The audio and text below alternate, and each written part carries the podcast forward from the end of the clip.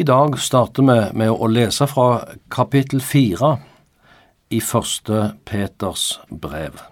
Vi kom til vers tolv. Og her kommer Peter tilbake til det som er ett av hovedtemaene i første Peters brev, nemlig den lidelse og den forfølgelse som kristne møter. De kristne som Peter skriver til, i de vestlige og nordlige områdene i Tyrkia var vel kjent med både lidelse og motgang, som fremmede og utlendinger i disse områdene. Nå vil Peter gi både trøst og råd, og han begynner med å tiltale deg som mine kjære. Og det som han vil si, jeg vet hvordan dere har det dere møter motgang og prøvelser. Det kan være krevende, og det kan gå på troen løs. Men jeg har omsorg for dere, mine kjære. Og så kommer han med sine råd og sin sjelesorg. Og vi skal samle det som står i versene 12 eh, til 16 i fire punkter. Men først leser vi disse versene. Mine kjære. Undre dere ikke over den ilden som kommer over dere til prøvelse, som om det var noe merkelig som hendte dere. Men i samme grad som dere har del i Kristi lidelser, skal dere glede dere, for at dere også kan juble i glede når Hans herlighet blir åpenbart. Om dere blir spottet for Kristi navns skyld, er dere salige, for herlighetens og Guds ånd hviler over dere. For ingen av dere må lide som en drapsmann eller tyv eller ugjerningsmann, eller som en som blander seg i andre saker. Men lider han som kristen, da skal han ikke skamme seg, men prise Gud for dette navnet. Og det første vi skal merke oss i det vi nå leste, det er at vi skal huske at det, det er ikke unormalt at en kristen må lide. Undre dere ikke, sier Peter. Undre dere ikke, det som skjer er egentlig ikke noe merkelig. Slik var det for Peter. Eh, slik var det for de første kristne over hele Romerriket, også i Tyrkia, og slik er det i dag. Kristne blir forfulgt og må lide fordi de tror på Jesus. Det er faktisk normalsituasjonen for de fleste kristne i vår verden. Det kan vi godt tenke på, vi som lever her i, i Norge og ikke er kjent med den form for forfølgelse, ytre forfølgelse og, og motgang.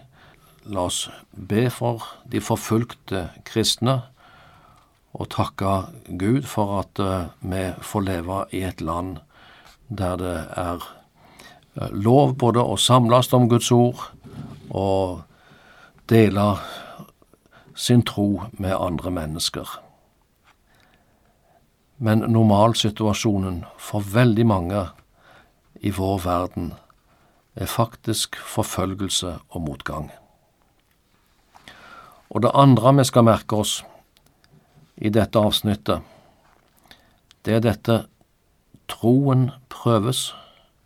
Gud vil gjennom prøvelsene knytte sine barn enda sterkere til seg. Han vil at vi skal stole på Han, at vi skal bli enda mer avhengige av Han. Tidligere har Peter brukt et bilde om dette i kapittel 1, et bilde om den behandling vi gir gulla. Det blir lutra i ild, slik at ureine stoffer renses ut. Og like som da ild renser gull, så renser prøvelsene vår tro. Og så er det ikke alltid like lett for et Guds barn å se denne sammenhengen mellom troen og prøvelsene. Men troen på Jesus er altså slik at en prøvet tro, det er òg en tro som har håp, og det er en tro som har glede. Og det er det tredje. Faktisk så ser det ut som om lidelse og glede henger sammen, vers 13. Men i samme grad som dere har del i Kristi lidelser, skal dere glede dere. Underlig. Jeg har møtt kristne i Kina som opplever forfølgelse, og det har gjort inntrykk å oppleve den glede og frimodighet som de utstråler. Og denne gleden, den har sin dype grunn i troen på Jesus. Vi er i følge med Han, vi kan se framover, en dag skal gleden og jubelen ingen ende ta, når Jesus åpenbarer seg i herlighet. Vers 13. Det håpet bærer gjennom lidelse og motgang. Blir dere spotta for Kristi navns skyld, ja, så er dere salige, fortsetter Peter å si til de kristne. Og det stemmer med det Jesus sa, salige er de som blir forfulgt for rettferdighets skyld, for himlenes rike er deres. Matteus 5.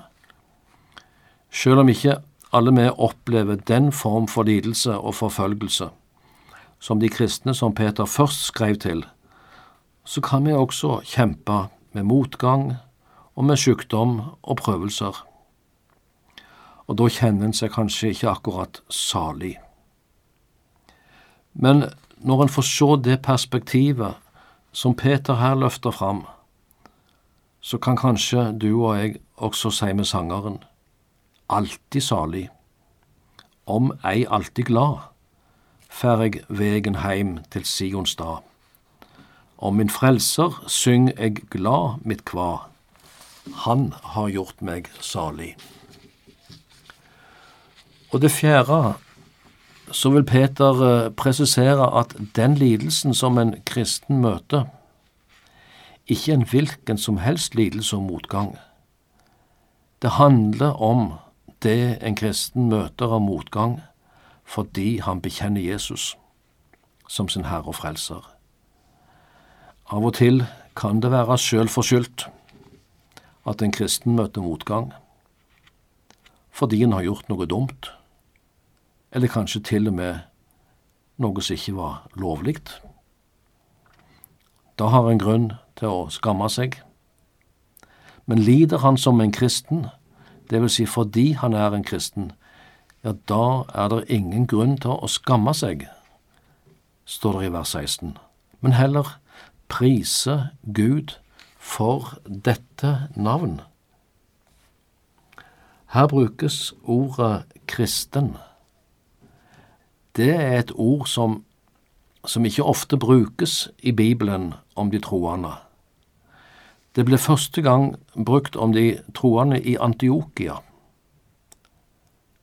De ble kalt for kristne. Og her er det Peter sjøl som bruker eh, ordet om seg sjøl. Når en kristen lider, da skal han ikke skamme seg, men prise Gud for dette navnet. En kristen er en som tror på Jesus Kristus, en som er en Kristus-etterfølger. Og til slutt i dette kapitlet blir vi minnet om dommens dag. Det kom en dag med frelse eller fortapelse som to mulige utganger. Og vi leser versene 17 til 19. For tiden er kommet da dommen skal begynne med Guds hus. Men begynner den med oss, hvordan skal det da ende med dem som ikke vil tro Guds evangelium? Og er det med nød og neppe den rettferdige blir frelst? Hvordan skal det da gå med den ugudelige og synderen?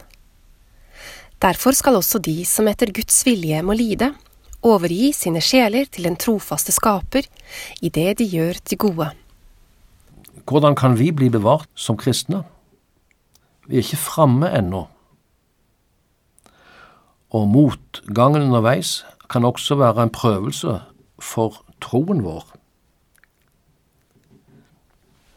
Overgi din sjel til den trofaste skaper, sier Peter. Du, Herre, får ta deg av meg. Jeg overlater meg i din omsorg. Jeg har ingen andre å stole på.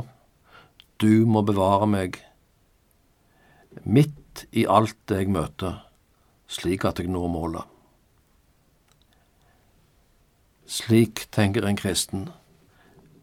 Jeg vil være overlatt til din nåde overgi sin sjel til den trofaste skaper. Og det er trygt å få overlate seg i Guds omsorg. Og si som salmisten, i din hånd er mine tider. Der skal jeg som en kristen få hvile, at Gud vil ta hånd om deg.